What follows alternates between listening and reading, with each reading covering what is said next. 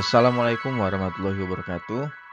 Uh, halo teman-teman semua, teman-teman mahasiswa, semoga masih dalam keadaan sehat walafiat. Uh, untuk video kali ini saya tidak akan pakai intro, jadi supaya lebih efisien waktunya juga. Uh, pada video kali ini saya akan menjelaskan berkaitan dengan overview daripada kewirausahaan sosial di Indonesia saya akan menjelaskan beberapa hal termasuk di dalamnya nanti uh, ekosistem atau bagaimana perkembangan termasuk jumlah, termasuk kendala-kendala yang dihadapi oleh uh, kewirausahaan sosial yang ada di Indonesia. Saya mulai presentasi kali ini dengan sebuah hasil penelitian dari Global Survey CSR bahwa se sebagai konsumen kita itu biasanya menggunakan rasionalitas kita untuk membeli sebuah suatu barang atau ataupun menggunakan uh, jasa. Misalkan kita disodorkan dengan buah dengan dua buah barang yang sama yaitu misal, misalnya sama-sama sabun akan tetapi dalam proses uh, produksinya sabun yang satu itu uh, mereka tidak mencemari lingkungan.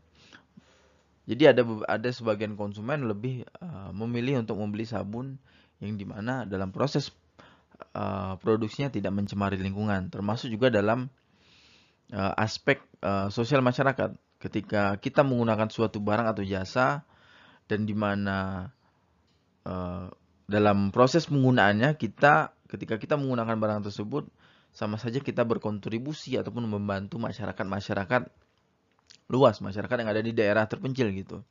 Teman-teman pasti ingat dengan uh, iklan yang, yang digunakan oleh Aqua, ada mereka menggunakan uh, iklan sumber air dekat. Jadi ketika kita membeli satu buah botol aqua sama saja kita dengan mendonasikan sekian rupiah kepada uh, masyarakat di daerah timur. Kemudian di sini juga ada salah satu salah satunya saya contohkan di mana ketika kita membeli satu buah masker sama saja kita mendonasikan tiga buah masker.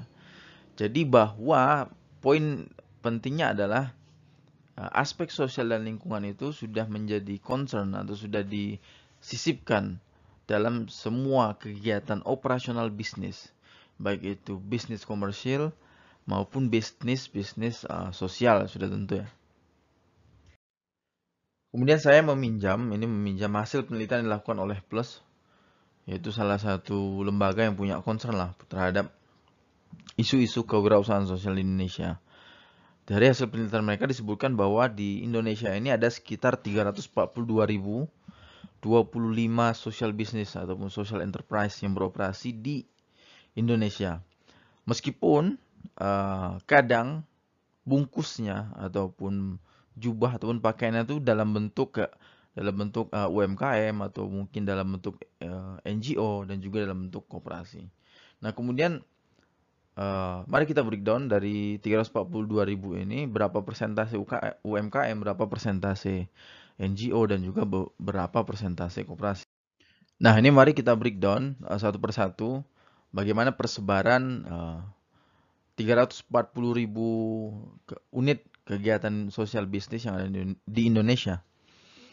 Pertama dari hasil penelitian perlu kita uh, garis bawahi bahwa menurut Special Topic Report on Social Entrepreneurship 1,5% dari kegiatan bisnis yang ada di suatu negara, yang ada di suatu wilayah itu merupakan bisnis sosial. Dalam konteks UMKM misalnya, kan kita ketahui bersama bahwa uh, suatu kegiatan bisnis dapat dikatakan berskala mikro itu ketika total asetnya itu kurang dari 50 juta. Kemudian juga dapat dikatakan sebagai small atau kecil itu ketika total asetnya berada di antara 50 sampai 500 juta dan dikatakan sebagai usaha medium ataupun kelas menengah ketika total aset itu berada di, di angka 500 uh, eh, sampai 10 miliar gitu. Di sini disebutkan beberapa, beberapa jumlah daripada eh, unit-unit uh, bisnis yang beroperasi. Akan tetapi jumlah ini bi belum bisa merepresentasikan berapa sih sebenarnya jumlah uh, UMKM yang secara spirit atau semangatnya itu beroperasi seperti atau sebagaimana sebuah uh, kegiatan bisnis sosial. Karena kita tidak tahu uh, apakah kegiatan atau apakah unit bisnis UMKM ini dikelola sendiri, kemudian diorganisir ataupun bekerja secara sendiri mandiri atau mempekerjakan orang lain, baik itu pekerja tetap maupun pekerja kontrak. Nah, kemudian um, kita menggunakan ini, menggunakan hasil survei yang di, yang dilaporkan uh, oleh BPS bahwa setidaknya ada sekitar 18 juta 24.632 UMKM yang di mana uh, pekerjanya bersifat sebagai pekerja kontrak. Jadi UMKM ini mempekerjakan beberapa pegawai-pegawai kontrak. Dan kemudian ada sekitar 3.954.629 unit bisnis UMKM yang mereka mempekerjakan karyawan mempekerjakan karyawan dan diangkat uh, sebagai karyawan tetap. Nah, dari sini Apabila kita menggunakan tadi uh, persentase yang disebutkan oleh Special Topic Report on Social, Social Entrepreneurship ini bahwa setidaknya satu setengah persen dari total unit bisnis ini dari total tadi 21.979.261 UMKM di Indonesia 329.689-nya dapat dikatakan sebagai sebuah uh, social enterprise ataupun social business ataupun uh, kewirausahaan sosial gitu. Karena dalam spiritnya, dalam uh, pelaksanaan kegiatan operasionalnya, uh, 329 ribu UMKM ini uh, mengadopsi lah, mengadopsi baik secara secara sadar maupun tidak sadar, mengadopsi prinsip-prinsip uh, semangat dan juga nilai daripada uh, bisnis sosial di mana tujuannya adalah untuk uh, kebermanfaatan bersama, untuk misi-misi sosial.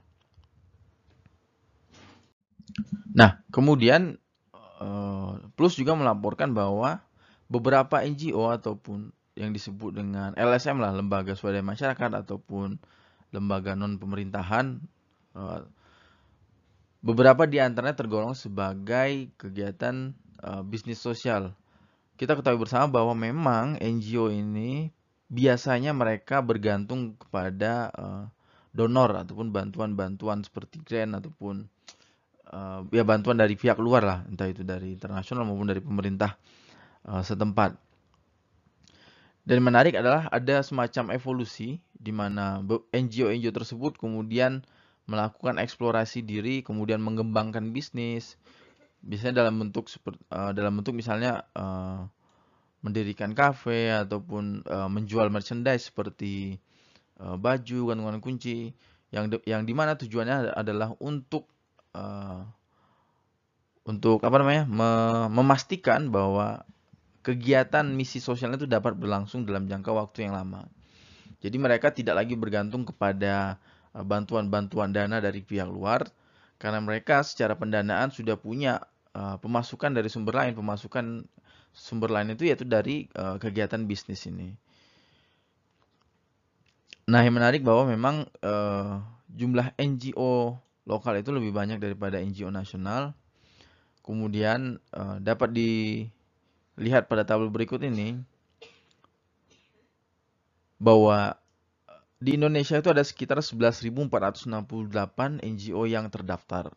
Akan akan tetapi yang aktif itu hanya sekitar 2293. Nah, dari 2293 ini 665 di antaranya itu merupakan NGO berskala nasional besar. Kemudian uh, sisanya 1638 itu NGO berskala kecil ya, lokal gitulah. Entah itu mungkin kabupaten, daerah, provinsi gitu. Nah, uh, ternyata 3% daripada NGO nasional itu dapat dikategorikan sebagai uh, social business ataupun uh, business enterprise. Mengapa uh, mengapa persentasenya lebih sedikit dibandingkan daripada NGO lokal? Karena memang NGO nasional ini uh, mereka exposure ataupun keterbukaan terhadap bantuan-bantuan dana dari luar itu lebih besar daripada NGO-NGO yang ada di lokal. Jadi uh, secara pendanaan mereka uh, lebih bergantung gitu lebih bergantung kepada bantuan-bantuan dari luar. Sedangkan NGO lokal karena mereka tertutup aksesnya atau kemudian minim akses terhadap bantuan-bantuan dari luar tadi, misal dari internasional, dari negara mana ataupun dari yayasan luar negeri gitu. Nah, mereka harus memikir, harus memutar otak. Nah, dengan bagaimana supaya kegiatan bis kegiatan uh, sosial mereka ini dapat berlangsung dalam jangka waktu yang lama. Nah, cara salah satu salah satu caranya adalah dengan dengan cara yaitu mendirikan unit bisnis ataupun melakukan kegiatan-kegiatan bisnis yang kemudian hasil daripada uh, keuntungan bisnisnya direinvest untuk kegiatan-kegiatan uh, sosial yang telah mereka lakukan sedari dulu.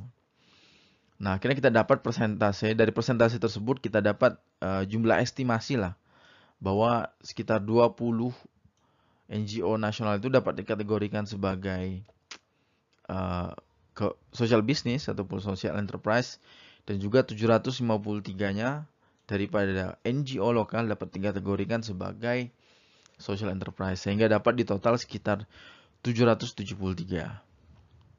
Itu berkaitan dengan uh, eh, NGO-NGO yang punya spirit yang melaksanakan eh, nilai-nilai uh, dan juga eh, aturan-aturan uh, kewirausahaan sosial baik secara sadar maupun tidak sadar.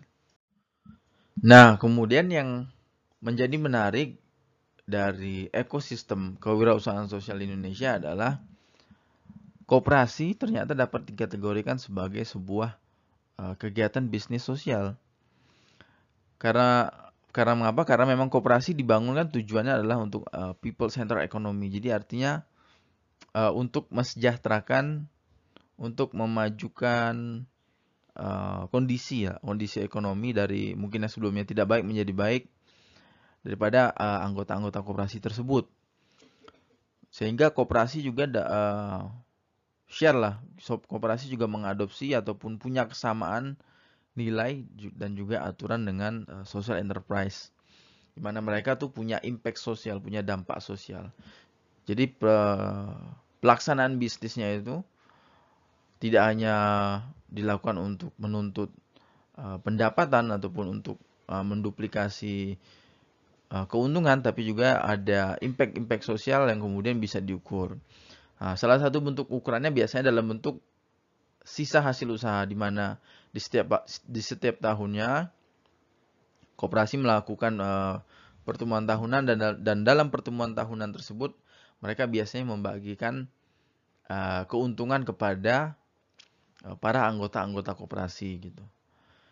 Nah, di sini di Indonesia setidaknya terdapat sekitar 150 ribu 150 ribu uh, koperasi. Meskipun kita tidak tidak tahu ya yang beroperasi seberapa banyak gitu ataupun yang ada mungkin yang jalan jalan atau kemudian ada yang mati suri dan kita gunakan persentase sekitar 7,7 persen bahwa hasilnya adalah 11.563 koperasi di Indonesia itu dapat dikategorikan sebagai uh, bisnis sosial karena mereka mengadopsi tadi nilai-nilai kewirausahaan sosial sehingga didapatlah angka akhir yaitu sekitar 11.563 uh, unit bisnis sosial yang berasal dari kategori koperasi. Nah, pada slide kali ini yang ingin saya sampaikan pertama adalah 75% pelaku uh, bisnis sosial itu tergolong sebagai uh, penduduk usia produktif dan dan didominasi oleh Eh, masyarakat dengan usia sekitar 25 sampai 34 tahun dengan persentase persentase sekitar 46%. Jadi artinya adalah bahwa memang uh, kebanyakan usaha-usaha sosial di Indonesia ini dipegang oleh penduduk-penduduk usia produktif gitu. Nah, kemudian ketika kita berbicara gender, berbicara siapa sih yang memimpin ataupun yang mengorganisir ataupun yang meng, membantu meman, memandu lah memandu kegiatan bisnis sosial tersebut ternyata 40 persennya itu dilakukan oleh wanita. Kemudian 41 persennya dilakukan oleh laki dan laki-laki dan ini menjadi sangat sangat menarik karena apa? Karena uh, kalau dari perspektif gender artinya sudah kita hampir mencapai uh, kesetaraan lah dengan dengan dengan begitu lewat kegiatan kewirausahaan sosial atau bisnis sosial ini kita sudah memberikan kesempatan ataupun akses kepada perempuan untuk terus turut serta menjadi menjadi salah satu uh, agen perubahan gitu. Dan berbicara soal siapa siapa saja yang bekerja di dalam kegiatan bisnis sosial dan masih saja masih didominasi oleh perempuan sekitar 69 persen itu dari pada pekerja-pekerja yang ada di dalam sebuah organisasi bisnis sosial itu digolong atau dikategorikan sebagai perempuan.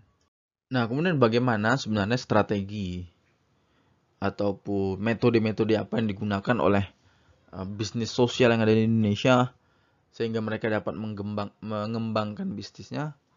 Pertama mereka uh, menciptakan lah, menciptakan produk-produk baru ataupun jasa baru sehingga dapat bersaing dengan uh, bisnis-bisnis uh, yang sudah settle, yang sudah mapan gitu. Atau kemudian mereka juga bisa jadi mencari calon konsumen atau klien baru yang yang yang belum terjamah, yang belum uh, menjadi concern oleh bisnis-bisnis lainnya gitu. Kemudian ada juga yang dengan cara meningkatkan penjualan eh, dengan kondisi pasar saat ini. Kemudian ada yang ekspansi produk atau jasa ke daerah-daerah lain yang misalnya misalnya dulunya kegiatan uh, perdagangan ataupun jual beli daripada bisnis sosial tersebut hanya terbatas di daerah Jawa, kemudian diekspor lagi sampai ke daerah-daerah di luar Jawa gitu. Kemudian ada dengan cara uh, meningkatkan minat calon investor sehingga investor-investor baru mau uh, menyuntikkan menyuntikkan dana ke uh, operasional ataupun organisasi bisnis sosial yang ada di Indonesia begitu. Nah, ketika kita berbicara soal uh, tujuan daripada bisnis sosial yang ada di Indonesia, pada umumnya punya punya tiga tujuan. Pertama yaitu menumbuhkan bisnis, mengembangkan bisnis, ataupun mengeksplor bisnis dengan cara yang menjual produk-produk atau jasa. Kemudian ada yang bertujuan juga uh, untuk meningkatkan kualitas kesejahteraan masyarakat rentan, kelompok-kelompok marginal, misalnya difabel, perempuan, kemudian uh, lansia ataupun anak-anak, gitu. Ataupun masyarakat miskin kota, ataupun masyarakat di pedesaan yang uh, terpencil, terdepan gitu. Kemudian ada juga yang punya tujuan untuk uh, menciptakan lapangan pekerjaan yang inklusif. Misalnya uh, difabel lah salah satu contoh sebagai kelompok rentan mereka sulit untuk mendapatkan pekerjaan. Nah, kehadiran bisnis sosial di sini bertuju bertujuan salah satunya untuk yaitu membuka akses lapangan pekerjaan kepada difabel ya atau membuka akses lapangan pekerjaan kepada uh, perempuan seperti itu. Nah, kemudian berbicara soal tantangan yang dihadapi oleh bisnis sosial yang ada di Indonesia bahwa me memang pertama yaitu berbicara soal keterbatasan modal ataupun pendanaan. Selanjutnya juga e, tantangan yang dihadapi adalah kesulitan mendapatkan bantuan atau hibah. Ada juga menyebutkan bahwa kalian manajemen bisnis yang lemah karena oh, misi sosialnya terlalu dikedepankan akan tetapi aspek bisnisnya di uh, kesampingkan hal ini kan menjadi salah Kemudian ada juga yang menyebutkan kesulitan mencari calon pekerja yang ideal. Karena ya tadi, karena misi sosial ini uh, sa sangat sulit lah mencari orang-orang yang punya, yang concern, yang punya perhatian, yang punya, uh, yang satu visi dengan pendiri perusahaan ataupun dengan pendiri uh, bisnis sosial yaitu untuk mungkin ke kebaikan bersama ataupun kemaslahatan masyarakat lebih luas gitu. Kemudian ada juga tantangan yang selanjutnya yaitu uh, kapasitas produksi barang atau jasa rendah. Memang ya tadi kayak saya, saya jelaskan sebelumnya bahwa mayoritas uh, kegiatan bisnis sosial yang ada, yang ada di Indonesia ini uh, mereka berangkat dari skala kecil, biasanya dari uh, rumahan ataupun dari kelompok-kelompok yang ya mungkin secara jumlah hanya sekitar lima orang. Kemudian juga mereka berangkat dari uh, modal yang sangat terbatas sehingga uh, kemampuan untuk memproduksi barang ataupun jasa itu menjadi sangat rendah. Ketika mereka memaksimalkan kuantitas produksinya, maka harus mengorbankan kualitas begitu. Ya itu menjadi ya ini beberapa beberapa tantangan yang dihadapi oleh uh, kewirausahaan sosial yang ada di Indonesia. Nah, kemudian berbicara soal sektor apa saja yang didominasi lah oleh bisnis sosial setidaknya ada tiga pertama kreatif industri kemudian juga ada pertanian dan juga perikanan kemudian ada pendidikan. Nah di kreatif industri sendiri beberapa contoh uh, bisnis sosial yang berjalan di antara misalnya ada kerajinan tangan ada kesenian ada uh, di, se di sektor fashion kemudian ada yang juga di aksesoris gitu. Kemudian juga ada dari uh, pertanian dan juga perikanan. Kalau pertanian itu ada tani hub salah satu contoh uh, social enterprise yang cukup terkenal menurut saya kalau di pendidikan itu ada uh, di pendidikan formal dan informal ada pendidikan kebudayaan. Nah nanti salah satu contohnya ada seribu guru. Seribu guru itu mereka punya misi sosial untuk uh, memberikan fasilitas dan juga akses pendidikan kepada anak-anak yang kurang beruntung.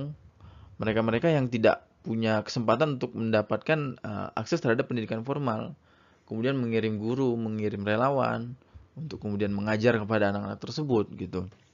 Nah, cara mereka bertahan hidup, cara bisnis ini bertahan hidup adalah dengan cara ya tadi menjual-menjual uh, merchandise, entah itu baju, entah itu gantungan kunci, yang kemudian keuntungannya sebagian digunakan untuk uh, misi sosial, sebagian lagi digunakan untuk operasional bisnis seperti itu. Nah, kemudian berbicara soal siapa saja penerima manfaat bisnis sosial yang ada di Indonesia. Kemudian ada ada ada yang menyebutkan 4, uh, 48% itu perempuan, kemudian ada yang menyebutkan uh, pemuda, kemudian ada juga menyebutkan uh, masyarakat lokal. Sehingga memang kelompok-kelompok rentan yang saya sebutkan tadi menjadi sasaran daripada tujuan sosial bisnis-bisnis sosial yang yang yang sedang beroperasi atau yang akan didirikan gitu. Untuk perempuan sendiri misalnya ada salah satu contohnya itu bisnis sosial Amarta. Mereka memberikan bantuan kredit e, simpan pinjam layaknya bank kepada perempuan untuk e, permodalan untuk perempuan sehingga mereka bisa menjalankan bisnisnya. Kalau lokal community ini salah satu contohnya yang saya sampaikan di e, pengantar pertama di RPS itu jadi di Bali itu ada salah satu enterprise kalau tidak salah namanya Bali Cassius itu di mana mereka uh, mengelola jambu mete untuk kemudian ditambah nilai value-nya ditambah nilainya. Yang sebelumnya masyarakat lokal di sana itu menjual jambu mete secara mentah kemudian diekspor keluar dengan adanya bisnis sosial ini. Mereka melakukan edukasi mereka bekerja sama dengan masyarakat lokal. Mereka mengubah uh, mindset jadi sehingga jambu mete yang sebelumnya dijual uh, secara mentahan kemudian dirubah dijadikan keripik dijadikan uh, jenis-jenis camilan lainnya dan jual dan dijual dengan harga yang uh, lebih daripada ketika mereka menjual ataupun ketika masyarakat menjual jambu mete secara mentahan. Ya begitu, begitu dulu teman-teman untuk uh, materi kuliah keberhasilan sosial yang keempat kali ini berkaitan dengan overview pelaksanaan kewirausahaan sosial di Indonesia. Untuk materi selanjutnya saya akan bercerita soal beberapa contoh pelaksanaan kewirausahaan sosial ataupun bisnis sosial yang ada di luar negeri, kemudian yang ada di uh, Indonesia tentunya. Nah, bagi teman-teman sekalian jangan lupa untuk mengerjakan tugas yang saya berikan di Google Classroom. Cari satu atau sebuah contoh bisnis sosial yang uh, teman-teman ketahui, kemudian deskripsikan siapa yang melaksanakan, siapa yang menjadi sasaran program, kemudian bagaimana atau kegiatan apa yang dilakukan oleh mereka gitu loh. Nah, lebih dan kurang seperti itu dulu kawan-kawan sekalian untuk uh, materi video kali ini. Semoga bermanfaat. Uh, jangan lupa tekan tombol subscribe, kemudian juga hidupkan lonceng notifikasi supaya kita bisa ketemu di video-video uh, berikutnya dan juga bisa dikomen apabila ada beberapa hal yang uh, dibingungkan atau kurang jelas. Wabillahi taufiq wal hidayah. Wassalamualaikum warahmatullahi wabarakatuh.